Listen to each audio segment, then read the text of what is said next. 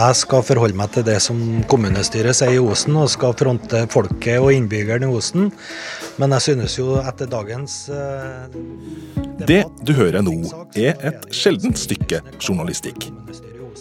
NRK er på reportasje i utkantkommunen Osen på Trøndelagskysten, og vi har blitt med på et kommunalt møte. Ifølge en rapport utført av Høgskolen i Volda for to år siden, er nettopp Osen kommune en av 22 journalistiske blindsoner i Norge. Det vil si eh, områder som er så dårlig dekka av media at det kan bli en demokratisk utfordring. Nå varsler politikerne krig mot de her blindsonene, og vår største allmennkringkaster, NRK, har fått et helt spesielt ansvar.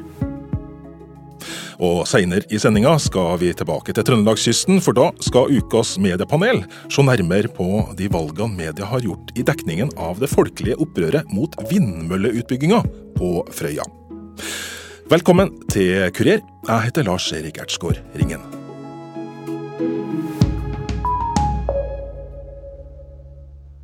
I dag har vi ganske mange steder som lever i halvskygge. Og vi har kommuner som bare blir dekka av store regionale aviser. Jeg vil at vi skal ha flere kommuner som har redaksjonelle ressurser til å kunne se også de lokale store guttene og jentene i korta. Da kulturminister Trine Skei Grande skulle presentere den nye stortingsmeldinga om framtidas mediestøtte, valgte hun å gjøre det fra scenen på landsmøtet for Landslaget for lokalaviser i Drammen. Og det gjorde kulturministeren fordi rapporten varsler at våre mange små lokalaviser skal få økt sin statsstøtte i framtida. Politikerne håper at det skal føre til at det blir færre områder i Norge som dekkes for dårlig. Og i den samme stortingsmeldinga fikk NRK klare signal om at de har fått et spesielt ansvar. De får i ansvar å dekke de tematiske og de geografiske skyggene som jeg snakka om tidligere. Hvis vi ikke ser en framvekst av lokalmedia i de områdene, så har NRK et spesielt område. Ikke å starte de store utkonkurrentene der det fins konkurrenter, men å heller fylle hullene i de områdene vi ser at vi ikke har ordentlig mediedekning. Marius Lillelien er fersk sjef for til sammen 48 små og store distriktskontorer i NRK, og mener at det ikke er nytt for Rikskringkastinga å ha et spesielt fokus på områder som ellers har lite dekning i media. Dette er jo en del av hovedbegrunnelsen for NRKs oppdrag i dag. Altså at vi skal dekke områder som ellers ikke ville bli dekka. Altså det vi gjør på mye av det NRK dekker for barn, når det gjelder samisk, når det gjelder kultur, når det gjelder distriktsdivisjonens tilstedeværelse i hele landet, så er, det, så er, jo det, eksempler på det allerede. Så dette er jo en del av kjernen i vårt oppdrag. Men det blir jo det er et tydelig politisk signal her om at dette, skal, at dette er prioritert.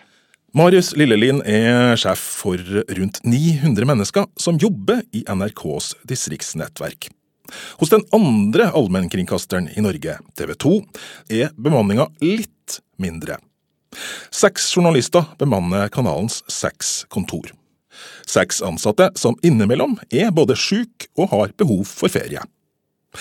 Henrikke Helland, som er klubbleder i TV 2, forteller hvordan bemanninga har vært akkurat denne uka. Ovenfor Dovre der har vi to personer eh, som er på jobb i dag. Vi har én på ferie og to eh, på jobb. Hva tenker du om det? Nei, det er ikke tilstrekkelig. I den nye stortingsmeldinga får altså NRK et klart ansvar for å kjempe mot de medieskyggene som finnes i landet vårt. Den andre allmennkringkasteren, TV 2, ble ikke nevnt i stortingsmeldinga, fordi de fikk en ny avtale med staten allerede høsten 2017.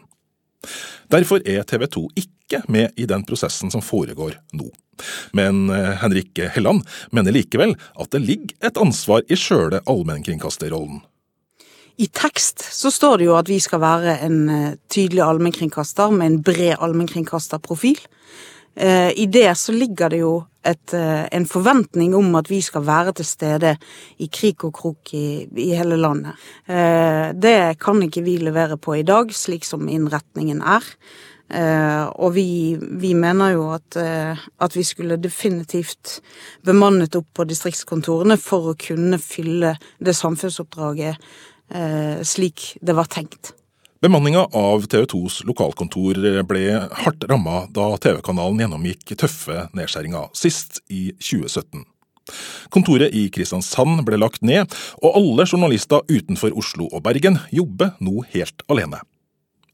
Henrikke Helland forteller at både ledelsen og de ansatte forventa at den fornya allmennkringkasteravtalen, som altså kom på plass høsten 2017, skulle gjøre det mulig å satse på distriktene igjen.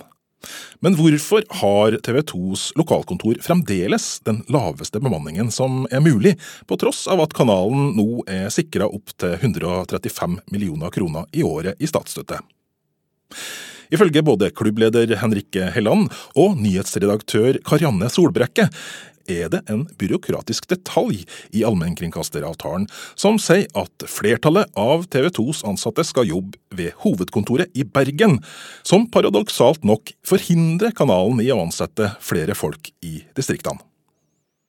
Vi var veldig forventningsfulle. Eh, vi hadde jo da, da de ble nedbemannet i, i 2017, så holdt vi pusten og, og, visste hva vi skulle gå inn i da. Eh, av belastning for den enkelte. Og, og, tenkte at ok, vi var jo allerede da i dialog om en allmennkringkasteravtale, og, og tenkte at da må vi få den bemanningen opp igjen.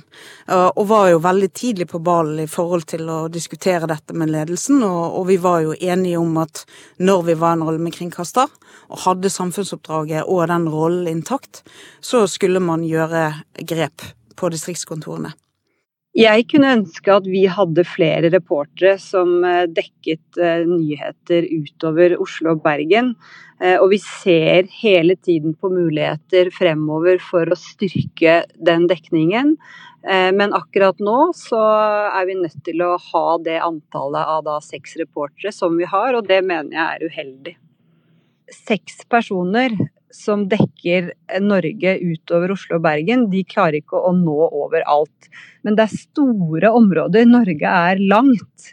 Så det er vanskelig for våre reportere å dekke eh, hele sitt distrikt. Vi har en reporter i Tromsø f.eks.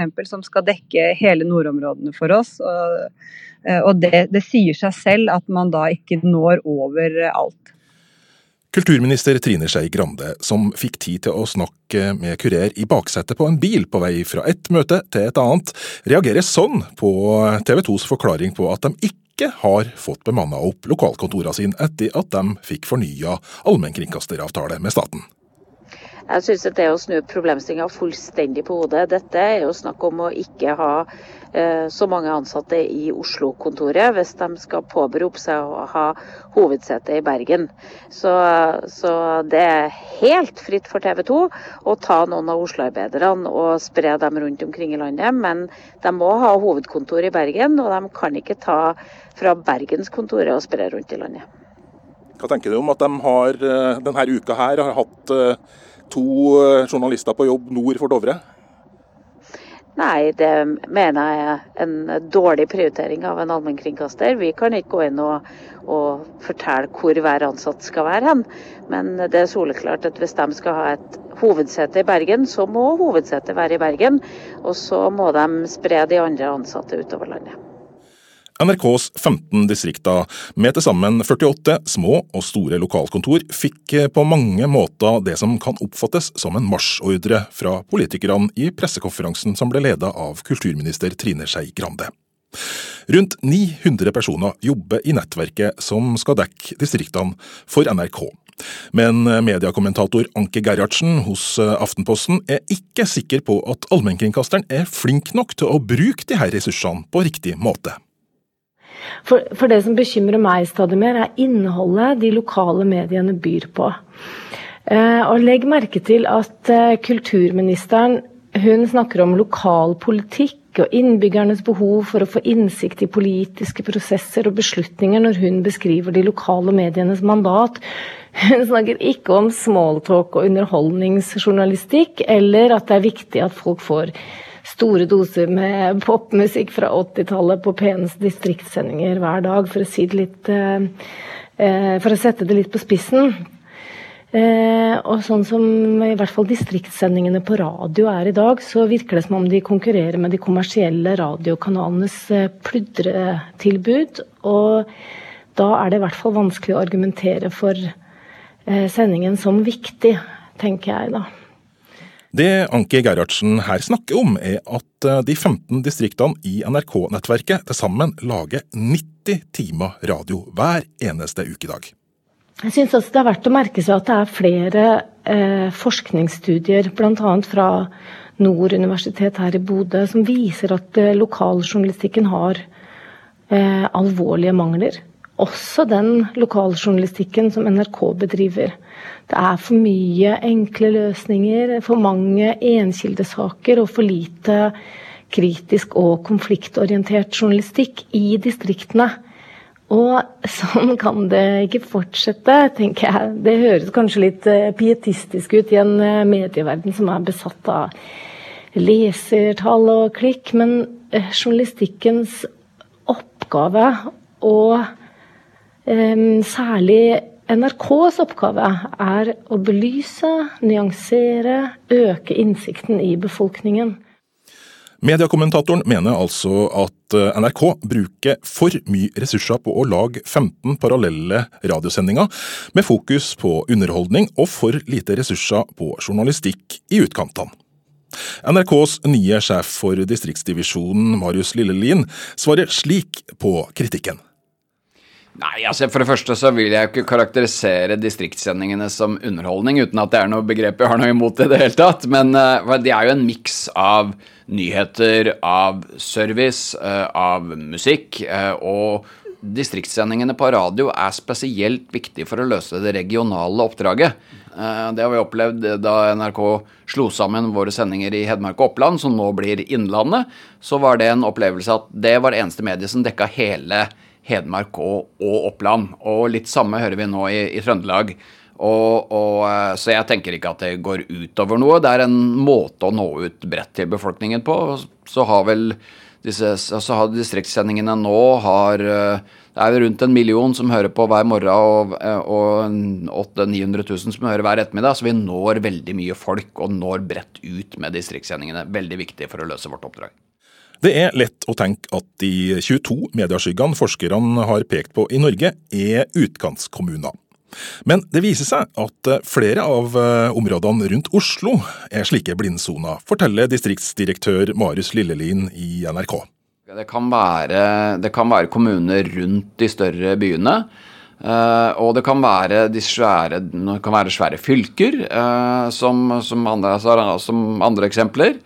Eh, så, så, det blir så vi må, liksom gå, vi må gå inn i det på en annen måte enn å bare tenke at dette er på de små plassene, som også er viktig. Der skal NRK være til stede og, og, og, og dekke det godt. Men, men, det er også tror vi, vi kommer til å sette i gang en jobb her på å definere bedre hva er de faktiske blindsonene, og det kommer vi til å jobbe med i, vårt strategiarbeid for NRK og vår, vårt innhold eh, nå i året som, eller utover året, for å, å prøve å definere det bedre.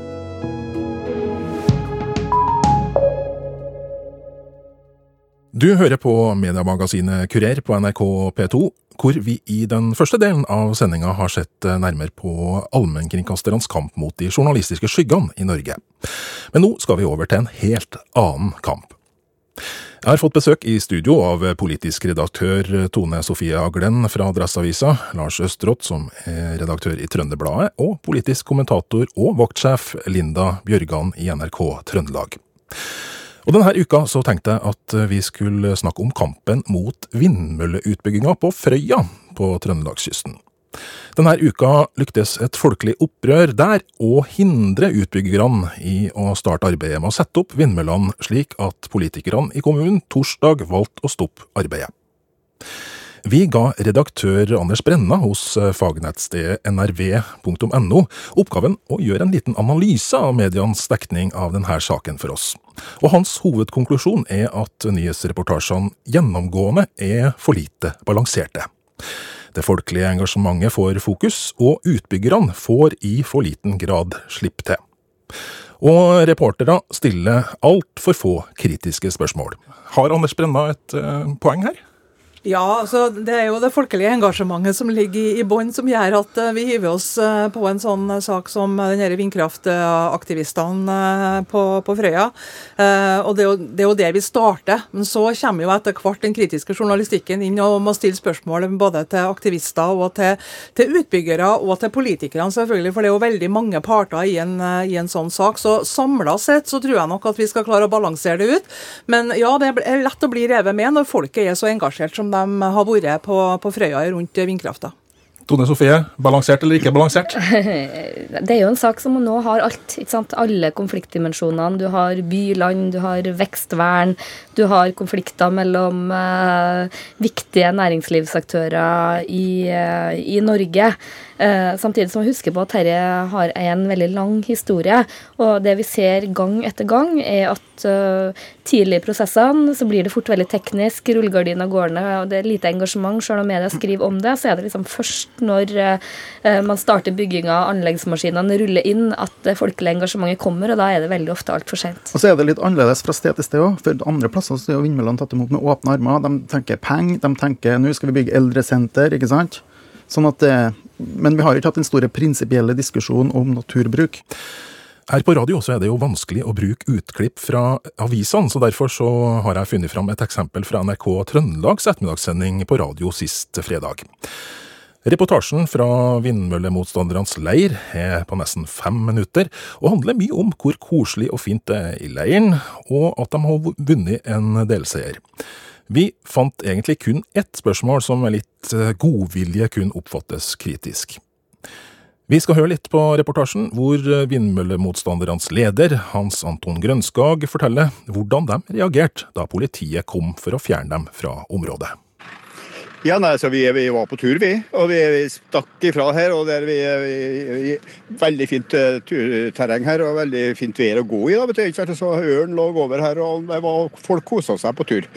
Uh, NVE og Trønderenergi og politiet var her. De prøvde å få kontakt, men det er så dårlig dekning her at det gikk måte på. Nei, Dere hørte ikke hva de sa? sa? Hørte ikke noe hva de sa. Nei. Så det, det, er veldig dårlig dekning. altså det, De får jo 180 meters møller her, men folkene som bor her, de har jo ikke mobildekning og nett og sånne ting som eh, storsamfunnet har. Så, men det, det, tar vi med knusende ro. Altså, vi, vi, men dere ville ikke ha dialog?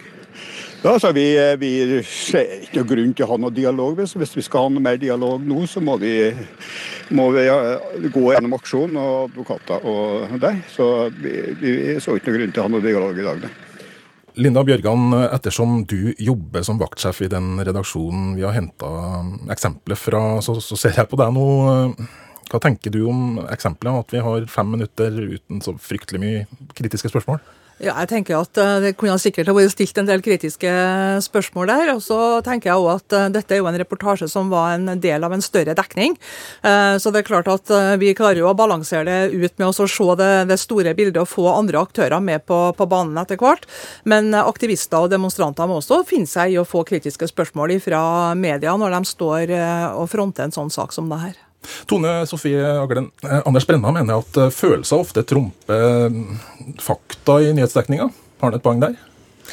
Ja, det ser vi jo veldig ofte. Vi ser i hvert fall det veldig ofte på det engasjementet fra leserne. Og det er jo også mye lettere å vinkle på saker som er sterkt følelsesdrevet. Samtidig så syns jeg også det er litt sånn urettferdig, den kritikken. For Adresseavisa har skrevet spaltemeter om denne saken i mange, mange år. Og, og vi i Adresseavisa, særlig på leder- og kommentarplass, har stilt veldig mange kritiske spørsmål eh, til eh, vindkraftbygginga ved Trøndelagskysten. Og da har vi blitt oppfatta som litt sånn næringsfiendtlig avis. Og, for vi må jo huske at lokalpolitikerne har jo bejubla det her på et tidlig tidspunkt. Vært glad for arbeidsplasser, og, og, og det har vært enstemmig vedtak. Og så har det nå skjedd et stemningsskifte i befolkninga. Det har nok også kommet nye eh, opplysninger til som gjør at det har endra veldig. Og nå opplever jeg at vi også stiller kritiske spørsmål til, eh, til aksjonistene, og ikke minst lokalpolitikerne. Men Linda, det nasjonale fokuset kommer ikke før etter at uh, den politiske prosessen egentlig er ferdig? Nei da, men det er jo gjerne sånn med sånne lokale saker at det er de lokale mediehusene som eier sitt område og de eier sin sak. Og så kommer NRK sine distriktskontor og de regionale avisene og løfter saken litt opp på regionalt nivå. Og så tar det litt tid før det når hovedstaden. Men jeg tror at denne saken på, på Frøya den har noen dimensjoner med seg som gjør at dette her er også prinsipielt og nasjonalt interessant. Det handler om lokaldemokratiet, hvem det er som skal få bestemme lokalt. Og, den dimensjonen har vi kanskje løfta altfor lite. Og så er det det store grønne skiftet, altså det dette klimaskiftet.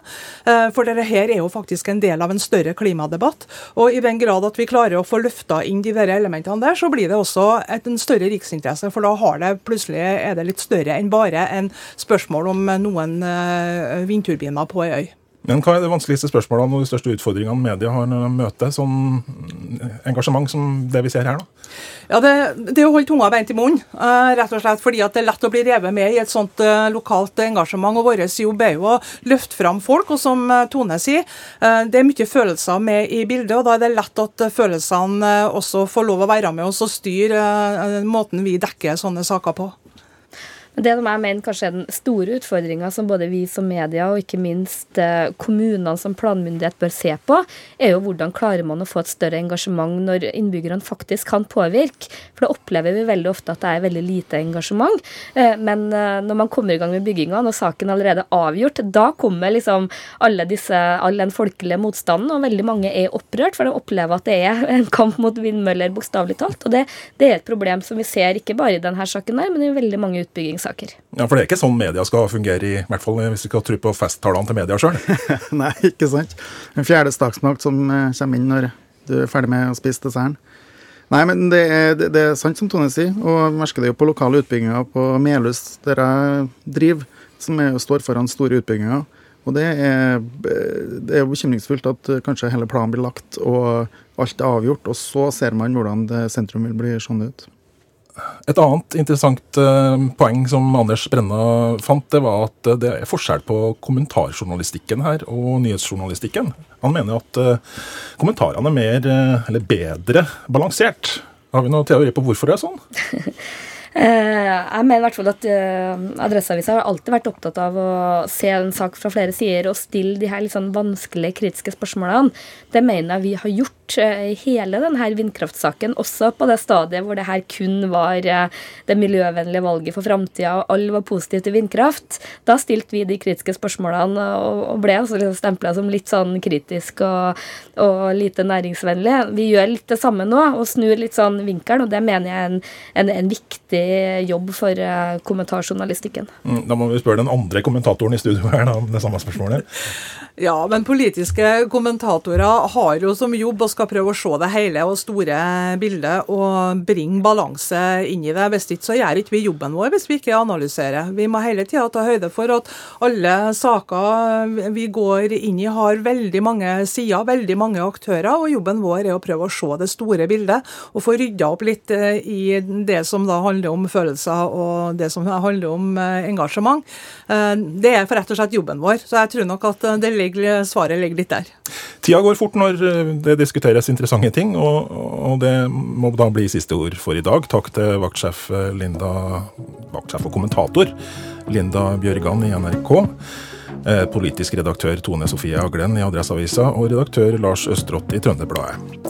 Produsent for denne sendinga var Kristin Norvoll Mork, og tekniker var Morten Lyen. Og jeg heter Lars Erik Ertsgaard Ringen, og håper du får en deilig lørdag framover.